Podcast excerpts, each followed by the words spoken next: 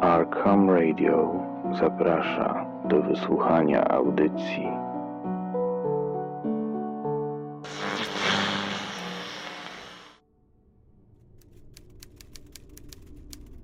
Oxford 20 lutego 1920 roku.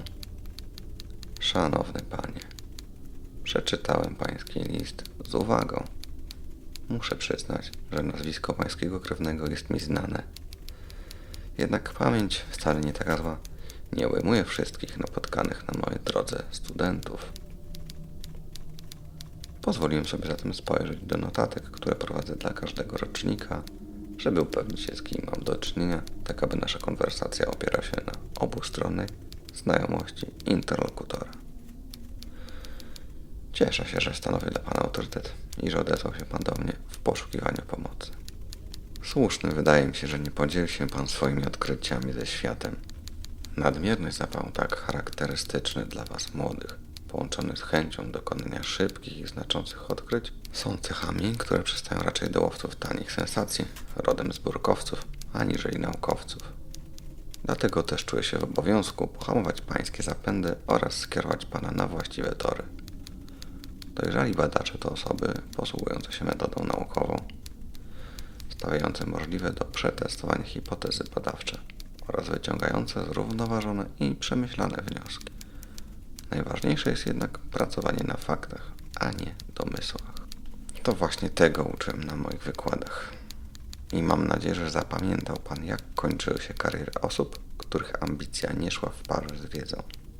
Z przykrością muszę stwierdzić, że nie znajduję w przedstawionych przez Pana informacjach wartości innej niż anegdotyczną. Początku musimy odpowiedzieć sobie na pytanie, czy na pewno znalezione na zapleczu muzeum notatki stanowią kopię napotkanego w Stanach Zjednoczonych manuskryptu. Wie Pan zapewne, że pamięć ludzka jest ulotna i lubi przypisywać nowo poznane rzeczy do starych schematów. Nie widzę innej możliwości, jak odnalezienie oryginału znajdującego się w zbiorach wojnicza i porównanie go z księgą, zanim przejdzie Pan do jakichkolwiek dalszych badań.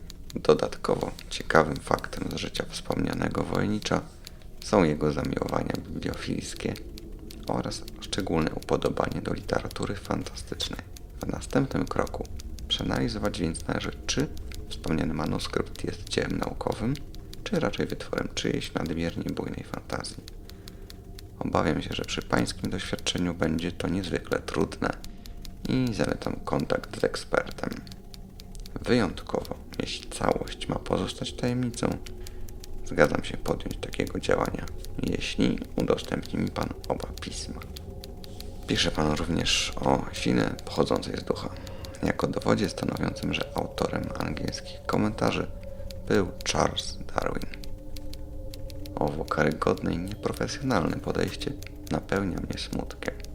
Wspomniałem już o stosowaniu metody badawczej i podtrzymuję, że jest to jedyny sposób na zostanie zapamiętanym w świecie nauki. Nie ma tu miejsca na emocje i porywy duszy. Powszechnie znane jest, że Charles Darwin biegle posługiwał się łaciną, w związku z czym bezcelowym wydaje mi się fakt czynienia przez niego notatek w języku angielskim.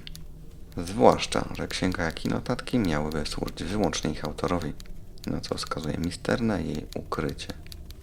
Kończąc, nie wyobrażam sobie, żeby ktoś dobrowolnie zajmował się czytaniem stosów ksiąg przechowywanych w Muzeum Historii Naturalnej.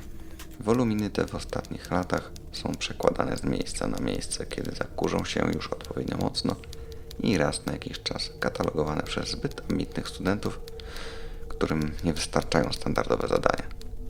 Z tych ksiąg wielcy botanicy wersyjscy wyciągnęli już wszystko, co miało wartość.